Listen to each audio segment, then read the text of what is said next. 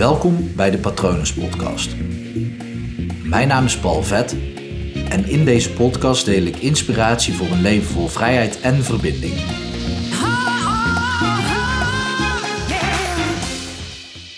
Als ik vroeger mijn kamer moest opruimen, dan deed ik dat niet.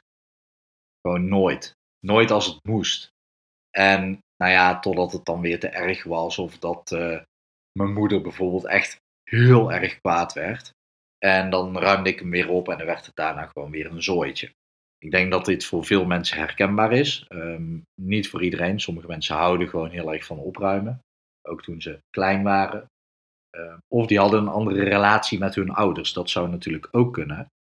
Um, waar ik naartoe wil is, mijn moeder die wilde super graag dat ik mijn kamer opruimde.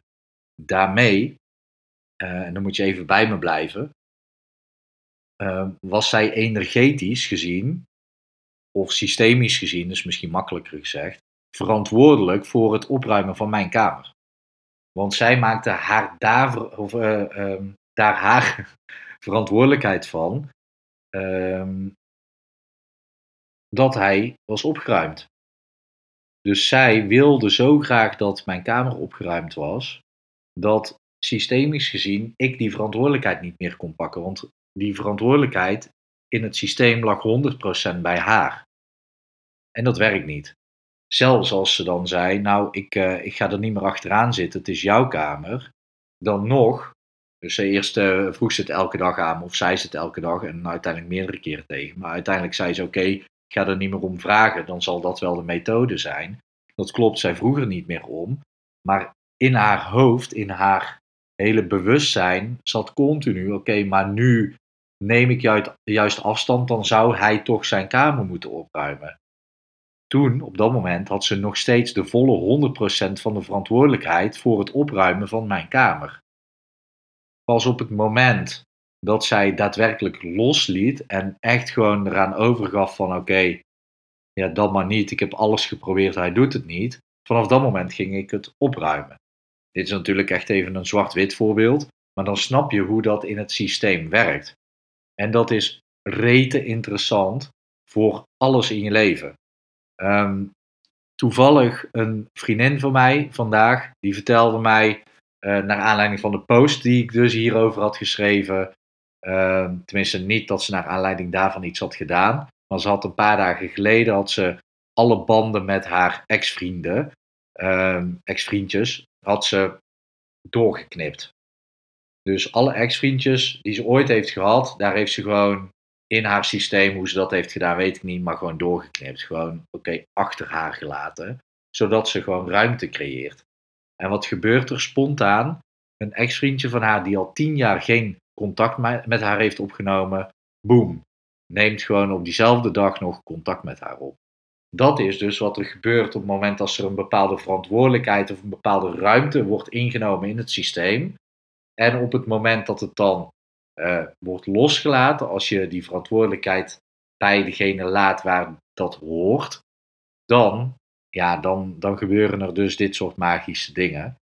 Ik heb het hier al eerder over gehad op het gebied van liefde en uh, de plek uh, vrij houden voor diegene. Niet te veel ruimte innemen over liefdesverdriet. Dus daar werkt dit fantastisch voor. Maar dit werkt ook heel goed als je met vrienden aan de, aan de slag gaat, wil ik dus zeggen. Die bijvoorbeeld problemen hebben. Um, we zijn al heel snel geneigd, en ik spreek in, in de generaliserende vorm we, om de redder uit te hangen. Maar op het moment dat jij iemand redt, dan wordt het jouw verantwoordelijkheid dat de geredde gered wordt. Het is dan niet meer de verantwoordelijkheid van diegene. Dus op het moment dat je dat weglaat, uh, dan zal diegene weer acuut in hulp uh, uh, of hulp nodig hebben. Want die leert niet op zijn of haar eigen benen staan. En dat wordt ook wel eens het reddersyndroom genoemd. Het is eigenlijk heel gevaarlijk, want je ontneemt iemand de eigen mogelijkheden om te gaan staan um, ja, op zijn of haar eigen benen. uh, gewoon staan voor de eigen verantwoordelijkheid voor, van het leven. Je neemt iemand zelfs de kans weg om draagkracht te ontwikkelen om het leven aan te kunnen op het moment dat je iemand redt. En ik ben zelf zo vaak in die valkuil getrapt. Het is echt bijna kwalijk om het op die manier te doen. Ik heb gelukkig een uh, coachopleiding afgerond en nu in die hypnotherapieopleiding die ik, uh, waarin ik aan het doorgroeien ben tot master. Duurt nog wel eventjes voordat ik dat echt ben hoor. Eventjes, even een klein woordje. Um, maar wij leren daar juist mensen echt begeleiden als gids. En um, ik heb het zelf mogen ervaren met allergie die nu weg is. Ik heb zelf het werk gedaan en de hypnotherapeuten die mij begeleiden, waar ik dus uh, haar wel eeuwig dankbaar voor ben, um, die begeleiden mijn proces. Maar het was, het was en bleef mijn proces. Ik moest het werk doen, niet zij. Zij begeleiden mij alleen maar als gids. En dat is de manier hoe je ook met vrienden om moet gaan die tegen problemen aanlopen. Ze kunnen zichzelf prima redden als jij ze maar in staat stelt om zichzelf te redden en dus geen problemen voor hen gaat oplossen. Dat is, dat is echt zo belangrijk. En in het systeem kan je dus, als je daar wel eens over nadenkt, oké, waar ligt de verantwoordelijkheid? En op het moment dat jij merkt dat jij verantwoordelijkheid aan het overnemen bent, dan, dan heeft de andere gewoon geen kans. Dan gaat het sowieso niet lukken. Want in het systeem, het systeem duldt geen gaten, maar het systeem duldt ook geen dubbele opvulling. Dus als jij 100% verantwoordelijkheid neemt, kan daar niks bij. En al neem je 90% verantwoordelijkheid, 10% is niet genoeg om op eigen benen te staan. Dat zou eerder 90% voor de ander moeten zijn en jij bijvoorbeeld 10%. Dat is misschien een gezond percentage. Uh, eigenlijk helemaal niet. 100% kan de ander aan. Maar je mag soms wel eens even een beetje leunen op elkaar. Dus dat het dan bijvoorbeeld 10% is en welk percentage precies goed genoeg is, dat weet ik niet. Dat is even aanvoelen. Maar ja, je bent slim genoeg om dit voor jezelf eens te onderzoeken. Vooral bij je partner is dat heel gevaarlijk. Uh, maar ook bij familie en vrienden. Om dus niet de redderrol in te nemen heel interessant hoe dit werkt. Uh, systemisch gezien uh, kan je ook wel eens in de knoop raken hierdoor, want het is gewoon echt wel uitdagende materie.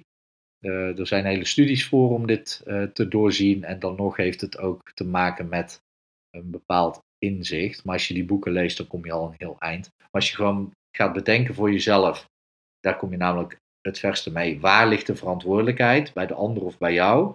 En hoe voelt dat voor jou als je iemand wil helpen?